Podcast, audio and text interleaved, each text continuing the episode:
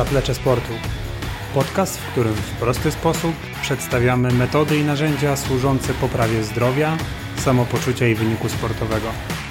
W łatwy sposób, używając prostego i zrozumiałego języka, opisujemy zagadnienia z zakresu diety, treningu i regeneracji. Jeżeli poszukujesz prostych wskazówek, które pozwolą Ci czuć się lepiej, wyglądać lepiej i osiągać lepsze wyniki, ten podcast jest dla Ciebie. Zapraszam na zaplecze.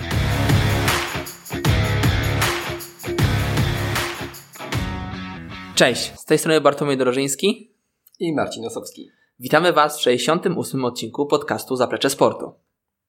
W dzisiejszym odcinku omówimy w zasadzie dwa zagadnienia. Będą one dotyczyły przede wszystkim wyników badań Krajowego Badania Sposobu Żywienia i Stanu Odżywienia Populacji Polskiej oraz w dużym skrócie, a tak naprawdę będą to wybrane tematy, które zostały poruszone na szóstym Narodowym Kongresie Żywieniowym. Pierwszym tematem, który poruszymy, będzie to, co Polacy tak naprawdę sądzą o swoim sposobie żywienia i jak ten sposób żywienia oceniają. Najciekawsze jest to, że większość Polaków myśli, że odżywia się zdrowo lub bardzo zdrowo. Podobnie myślimy o tym, jak odżywiamy swoje dzieci. Y, to jest dość ciekawe, dlatego że przeczy temu praktycznie każdy aspekt badany oceny sposobu żywienia y, w grupie Polaków. Co ciekawe, do tego spadła w Polsce oczekiwana długość życia. Oczywiście między innymi z powodu pandemii. Jednak według badań głównymi czynnikami, które skracają życie Polaków są czynniki behawioralne, czyli te, na które my mamy wpływ. To jak jemy, to jak jesteśmy aktywni i jakie używki używamy. Co ciekawe, wśród czynników behawioralnych na pierwszym miejscu u mężczyzn jest oczywiście palenie tytoniu, Natomiast już u kobiet jest to dieta. I to właśnie dieta jest według mnie największym problemem w naszym y, pogarszającym się stanie zdrowia. Co ciekawe, cały czas również wzrasta odsetek ludzi w Polsce z nadwagą i otyłością. Według tego najnowszego raportu dotyczy an... O, o, klaszczmy w rączki. Według najnowszego raportu problem nadwagi i otyłości dotyczy aż 52 klaszczmy rączki. Według najnowszego raportu problem nadwagi dotyczy aż 52% mężczyzn i 32% kobiet, a otyłości 16,5% mężczyzn i 16,6%. Klaszczmy w rączki. 16,5% mężczyzn i 16,2% kobiet. Łącznie daje nam to więc ponad połowę ludzi w Polsce z nadwagą i otyłością. Pewnie powiecie, że wskaźnik BMI jest złym wskaźnikiem, ponieważ nie uwzględnia składu ciała, y, a prawdopodobnie część z Was charakteryzuje się niską zawartością tkanki tłuszczowej przy wysokiej zawartości mięśni. Okej, okay jednak statystycznie rzecz biorąc, takich osób w społeczeństwie jest bardzo niewiele. Można je liczyć w zasadzie w niewielkiej ilości procentów lub nawet mniej i nie mają one wpływu na rzetelność wskaźnika BMI. Pewnie skoro słuchasz tego podcastu, to jesteś osobą bardziej aktywną fizycznie i w grupie takich osób rzeczywiście ten BMI może być zaburzony. Jednak pamiętajmy o zjawisku bańki poznawczej, w której oceniamy rzeczywistość przez pryzmat tego, gdzie żyjemy i kim się otaczamy. Wobec tego, gdy jesteś osobą bardziej aktywną fizycznie, gdy bardziej zwracasz uwagę na zdrowie, na to, co jesz, a więc słuchasz tego podcastu, yy, możesz być w błędzie, wnioskując na temat tego, jak jedzą ludzie w Polsce. Nauka jest jednak nieubłagana i wraz ze wzrostem wskaźnika BMI rośnie również średnia procentowa zawartość tkanki tłuszczowej. Przechodząc już do analizy yy, poszczególnych yy, grup, zatrważające jest to, że spożycie warzyw ciągle spada. Spożycie owoców i ich przetworów gdzieś tam utrzymuje się na podobnym poziomie, chociaż podejrzewam, że jest to wynik raczej spożycia przetworów owocowych, czyli dżemów, niż yy, samych warzyw. Yy, a co najdziwniejsze, aż 20% dorosłych Polaków spożywa warzywa i owoce rzadziej niż 4 razy w tygodniu tygodniu, a nie dziennie. Jeszcze raz, w tygodniu. Zatem e, co piąty z nas je warzywa lub owoce tylko przez trzy dni w tygodniu, przynajmniej raz.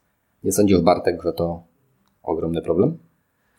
Zdecydowanie spożycie warzyw, ale także ich przetworów stanowi dla nas e, dosyć duże, dosyć duże wyzwanie, e, szczególnie biorąc pod uwagę właśnie wyniki e, tego raportu. I nie jest to krótki okres, tylko jednak spory przedział czasu, gdzie te badania, te wyniki, które były analizowane, są dosyć rzetelne i, i wymierne, tak? Bo analizujemy sobie przedział od 2010 roku do 2019, co też pokazuje jakby skalę problemu i chyba można domniemywać, że ten problem tak naprawdę będzie narastać, co z kolei stanowi pewne wyzwanie dla nas, dietetyków.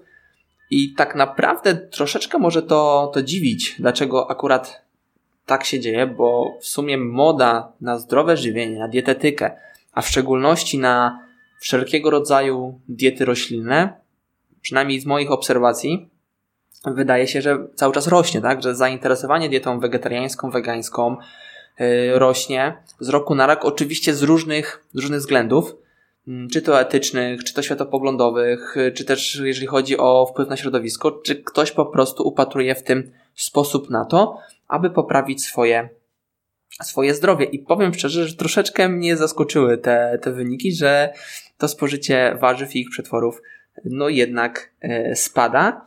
E, może nie byłoby w tym nic e, złego, albo przynajmniej byłoby to powiedzmy mniejsze zło, gdyby też inne parametry zachowywały się w inny sposób. Natomiast te kluczowe parametry, o które nam chodzi w naszym żywieniu, niestety też no, zmieniają się tak naprawdę negatywnie. Oczywiście jest tak, że jest obecnie moda na, na dietetykę, moda na zdrowy sposób żywienia, e, na myślenie bardziej o tym, co jemy, na świadome żywienie. E, problem jest chyba w tym, że nie do końca wiemy, jak to robić, ponieważ e, rynek usług dietetycznych w Polsce według mnie dalej jest troszeczkę nienasycony. A zaczynałem studia jeszcze zanim te badania były prowadzone, czyli przed rokiem 2010. I, I już wtedy pamiętam, że ludzie gdzieś tam próbowali się interesować trochę bardziej żywieniem. E, minęło od tego czasu 11 lat. Wynik e, badania jest dla 2010-2019, tak jak powiedziałeś, czyli taki dosyć duży, dziewięcioletni przekrój. E, a tutaj rzeczywiście ten sposób żywienia się nie poprawił. Mało tego, w tych kluczowych właśnie grupach, jak spożycie warzyw, ich przetworów, owoców i ich przetworów, ryb, mamy E, dosyć dziwne wyniki, ponieważ spożycie warzyw i przetworów spadło o 7% e, pomiędzy rokiem 2010-2019. Spożycie owoców i przetworów wzrosło co prawda o to 8%, ale prawdopodobnie właśnie tak wynika to z spożycia tych przetworów owocowych. A spożycie ryb, które i tak w Polsce od zawsze było bardzo niskie, spadło aż o 40%. Więc nie bardzo widać wzrost świadomości. My lubimy się bardzo czepiać różnych innych czynników, czynników genetycznych. Lubimy się czepiać e, chemii żywności szeroko pojętej, jakkolwiek byście to nie rozumieli. E, a patrząc na ten raport, mi jako gdzieś tam pretendującemu do, do, do, do miana naukowca, e, wydaje się to dość dziwne, bo po prostu tu mamy czarno na białym, że jemy źle, mało tego, że jemy coraz gorzej, mimo tego, tak jak Bartek powiedziałeś wcześniej, e, większość ludzi myśli, że albo siebie, albo swoje dzieci odżywia bardzo dobrze lub e, dobrze. I tylko zasadniczo ułamki procent uważa, że odżywia swoje dzieci źle. Ułamki procent rodziców. No więc jest to chyba jakiś problem. Tak, jeżeli chodzi o, jeszcze wracając do tej oceny na chwilę, to naprawdę jest to dosyć symptomatyczne, bo wiadomo, że w tych młodszych grupach oceniali to rodzice bądź też opiekunowie, opiekunowie i tak naprawdę niemalże 85% klasyfikowało się jako bardzo e, w tym przedziale bardzo dobrym albo dobrym, tak, jeżeli chodzi o sposób odżywiania e, dzieci, co też nie odnosi się chociażby do problemu nadwagi i otyłości wśród dzieci i młodzieży, który tak naprawdę cały czas rośnie, tak? Oczywiście ktoś powie, że była pandemia i jest to jak najbardziej prawda, że pandemia jeszcze pewne negatywne procesy tak naprawdę przyspieszyła w wielu, wielu przypadkach. Natomiast problem ten już występował dużo wcześniej, tak? Więc to nie jest tak, że nagle e, powiedzmy ta fala pandemiczna spowodowała ogromny wzrost dzieci z nadwagą e, i otyłością, bo to tak naprawdę funkcjonowało dużo wcześniej, a należy o tym pamiętać, że faktycznie możemy sobie poradzić z nadwagą i otyłością.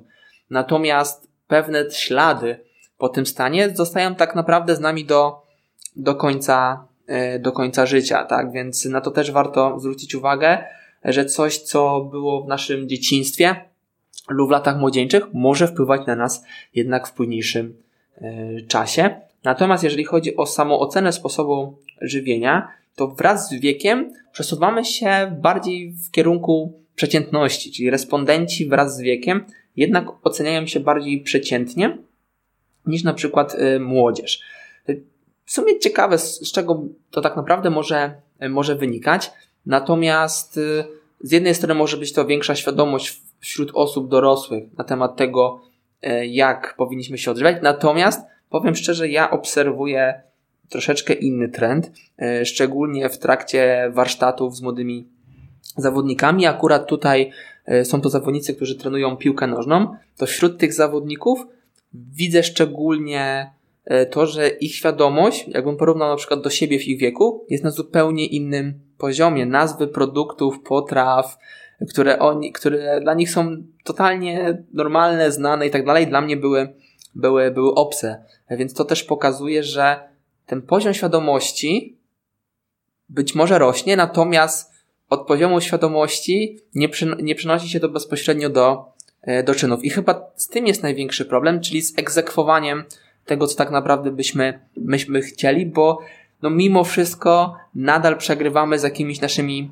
e, pokusami i przyjemnościami, natomiast to nie jest tak, że dieta powinna kojarzyć się tylko z czymś negatywnym, bo tak naprawdę każdy z nas jest na jakiejś e, diecie, lepszej lub gorszej tak naprawdę jakościowo, o nazwie X lub Y, ale wiadomo, dieta to jest po prostu sposób żywienia naszego na, e, na co dzień, bez znaczenia jak ją po prostu e, nazwiemy. I myślę, że to jest dobry punkt, żeby od razu przejść do tego, skąd różne osoby czerpią wiedzę, jeżeli chodzi o, o poszczególne grupy, grupy wiekowe. I powiem szczerze, że troszeczkę się uśmiechnąłem, jak zobaczyłem te, e, te wyniki, no bo nadal e, królują takie e, czynniki jak właśnie dom rodzinny, krewni czy znajomi. Czyli znowu wracamy tak naprawdę do punktu wyjścia, czyli najważniejszy jest tak zwany chłopski, chłopski rozum.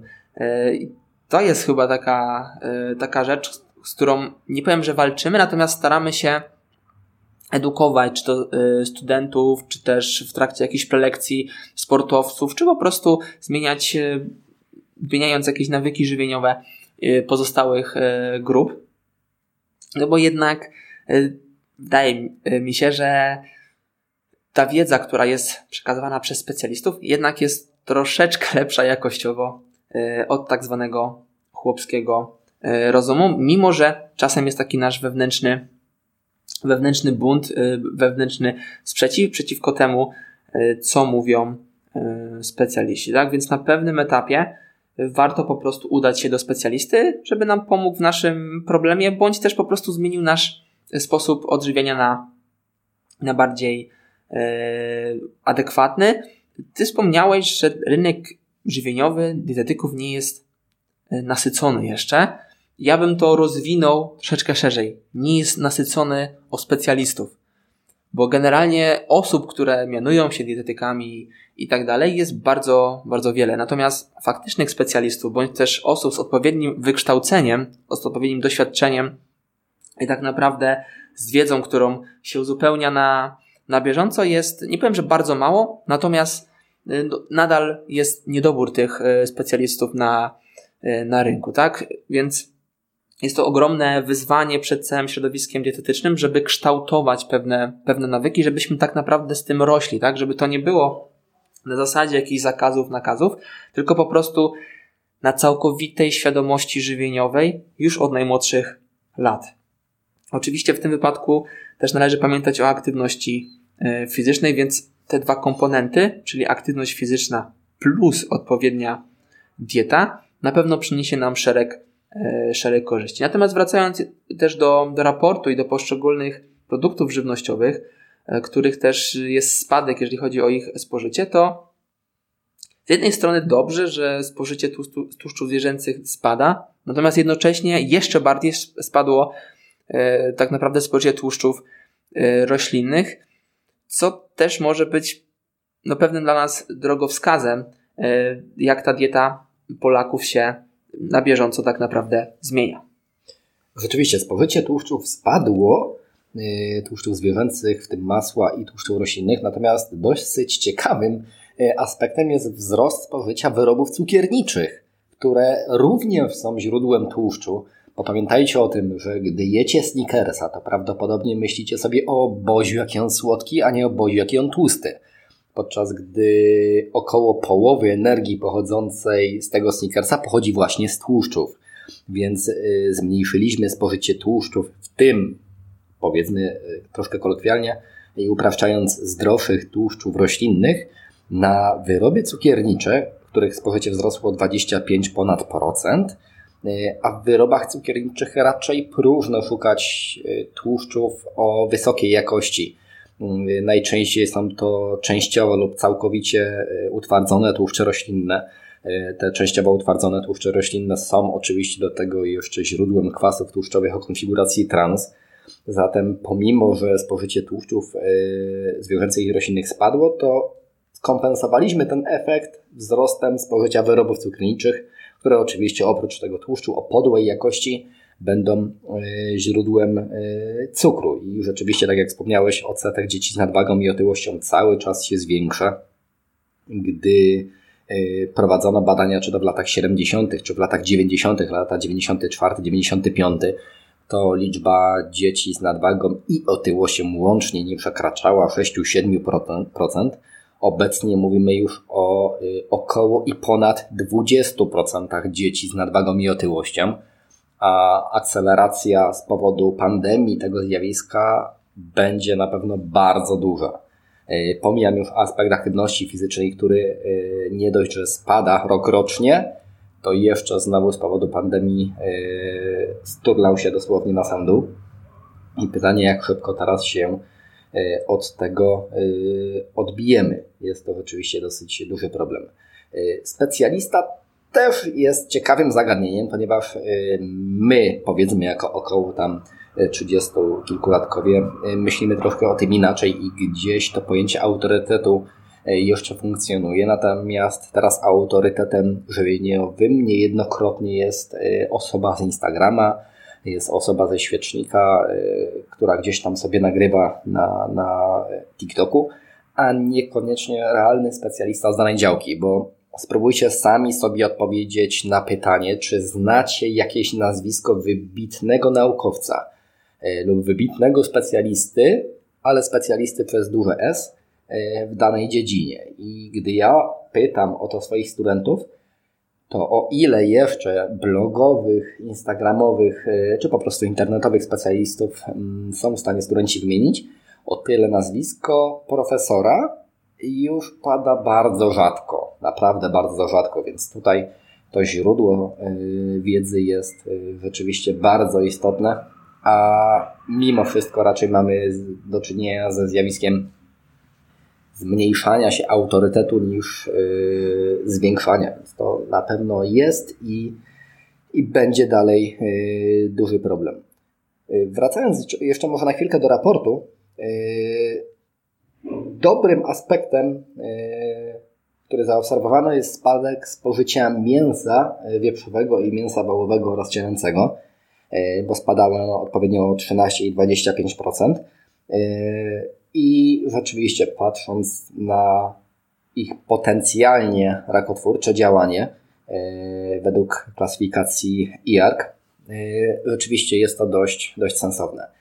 Natomiast mnie niesamowicie niepokoi wzrost spożycia wędlin, i to uwaga, wędlin za wyjątkiem wędlin drobiowych, który wynosił aż 118% pomiędzy latami 2010 a 2019. Jest to ogromny wzrost. Chciałbym tylko przypomnieć Wam, że przetworzone produkty mięsne zaliczane są do grupy rakotwórcze dla człowieka i zwierząt według IARC. Nie być może, nieprawdopodobnie po prostu rakotwórcze. E, klasyfikacja ta była wynikiem jednego z największych badań, czy w zasadzie analizy e, kilkuset badań z kilkudziesięciu lat e, wiedzy naukowej i naukowcy nie mają wątpliwości, że grupa przetworzonych produktów mięsnych, czyli właśnie między innymi tych wędlin, jest rakotwórcza. Zatem no, wzrost o 118% spożycia produktów rakotwórczych jest dość niepokojący, tak mi się wydaje. Co o tym myślisz?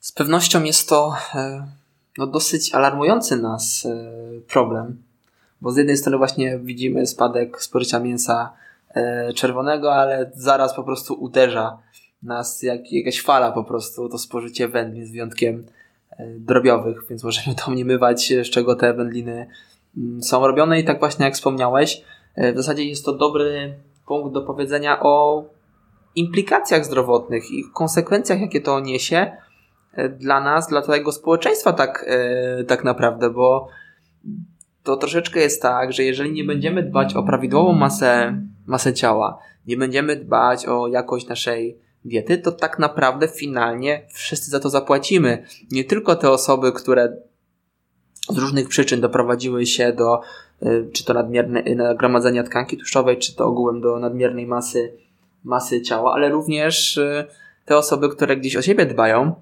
y, no też poniosą tego y, koszty i, i konsekwencje, tak? Bo obciążenie dla systemu opieki zdrowotnej, jeżeli chodzi o finanse przyszłości, wydaje się być potężnym, tak naprawdę, jeżeli chodzi o jakieś tam predykcje.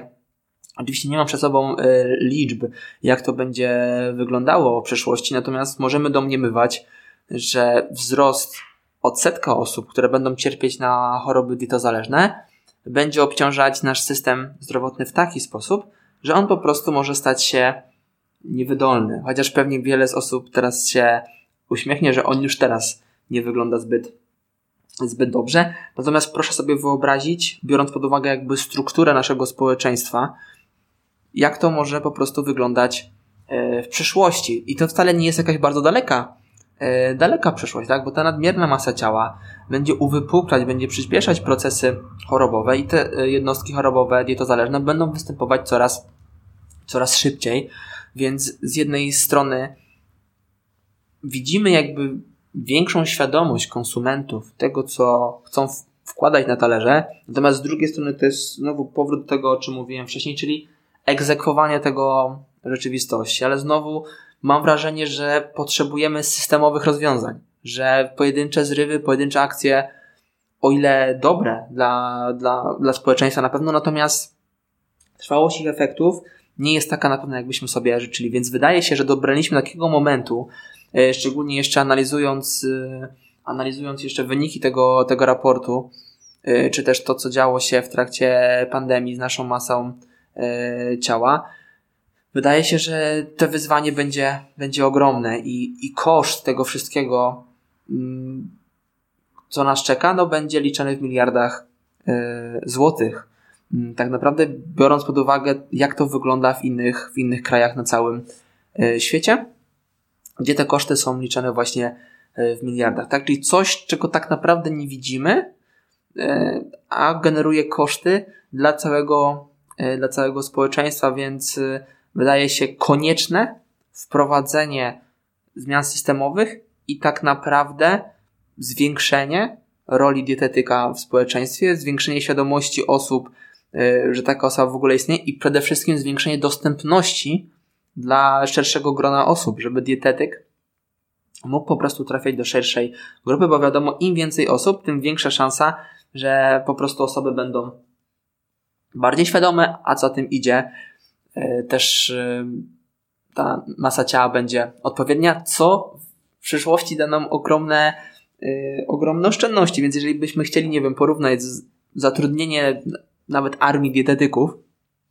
które, które by wygenerowało koszt X, ale biorąc pod uwagę koszty Y otyłości, no to myślę, że finalnie, jeżeli chodzi o tak naprawdę nasz rachunek na końcu, to będziemy na dużym, dużym plusie, tak? Więc e, ten raport jest pewną przestrogą, tak naprawdę dla wszystkich, nie tylko dla, dla dietetyków, ale dla całego społeczeństwa, żeby jak najszybciej po prostu trafić w ręce specjalisty, bądź też zacząć się jakkolwiek interesować odpowiednim yy, żywieniem, co jest bardzo, yy, bardzo ważne. Natomiast yy, też, żeby ktoś sobie nie pomyślał, że to jest jakieś niesamowite trudne i niesamowicie niemożliwe do, do zrobienia, bo oczywiście wydaje mi się, że temat diety jest takim tematem dosyć, dosyć intymnym, że tak mogę to, to nazwać.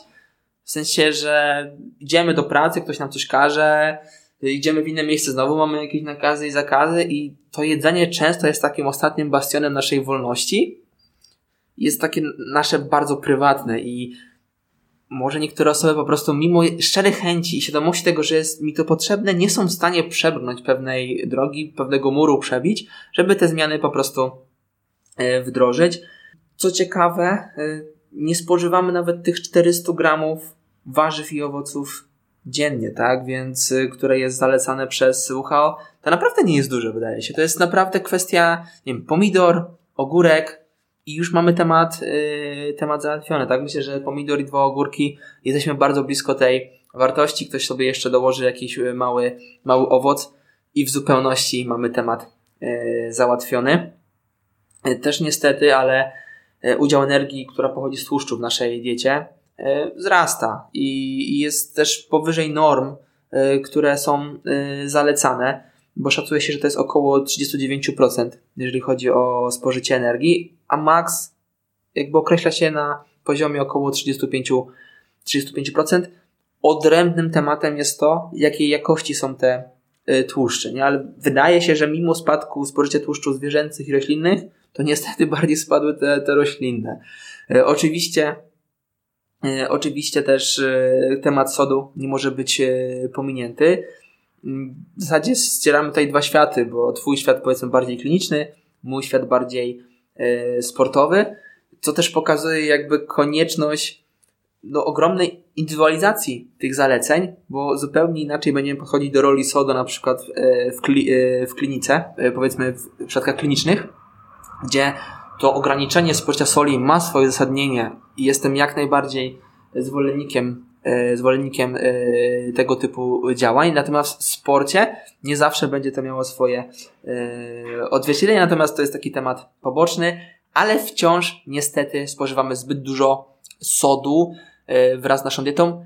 Najczęściej Wynika to z spożycia e, wysoko przetworzonych produktów, bo czasem nawet nie rejestrujemy tego, że w danych produktach może być, e, może być sól, tak? Bo okej, okay, ograniczymy sobie spożycie soli, stwierdzimy, dobra, jakoś bez tej soli dam radę e, przeżyć, bądź też ograniczymy ją maksymalnie, natomiast często nie rejestrujemy jakby tej soli ukrytej w produktach i przez to też wydaje się, że no niestety, ale spożywamy tego sodu zbyt, zbyt dużo, więc proste zasady, tak naprawdę odnoszące się do piramidy zdrowego żywienia, wydają się być wystarczające, żeby raz, wydłużyć sobie życie, dwa, poprawić jakość tego życia i trzy, tak naprawdę yy, zwiększyć chociażby swoją aktywność fizyczną, bo niektóre osoby nie chcą podejmować swojej aktywności fizycznej, ponieważ bardzo szybko się męczą, yy, bardzo też negatywnie do tego podchodzą i ją y, postrzegają, nie? Więc wydaje się, że proste kroki,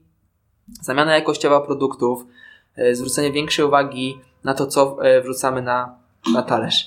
Bo tak naprawdę to jakość będzie warunkować nam to, jak będziemy się. Oczywiście ilości też są ważne, bo to właśnie nadmierne spożycie energii będzie prowadzić do występowania nadwagi czy, czy otyłości, Natomiast zacznijmy od jakości. Jakość powinna być tym, co interesuje nas y, najbardziej i przede wszystkim jedzenie, nie powiem, że może nas leczyć, natomiast może nas chronić przed wieloma schorzeniami, bądź też może wspomagać proces leczenia i tak naprawdę myślę, że w wielu przypadkach chorobowych to żywienie odgrywa taką samą rolę, a może czasem nawet większą niż e, zabiegi e, różne powiedzmy lekarskie typu przepisanie jakichś, jakichś leków, więc to jest jakby nierozłączna e, część, jeżeli chodzi o nasze po prostu zdrowie.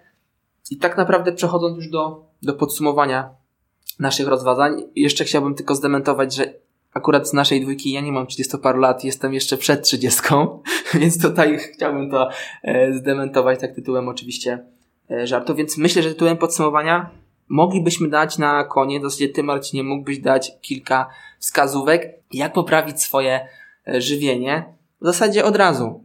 Małym nakładem sił, praktycznie powiedzmy bezkosztowo, natomiast jak jesteśmy w stanie to zrobić, jakie byłyby twoje rady? Dla naszych słuchaczy i dla wszystkich, do kogo trafi ten podcast.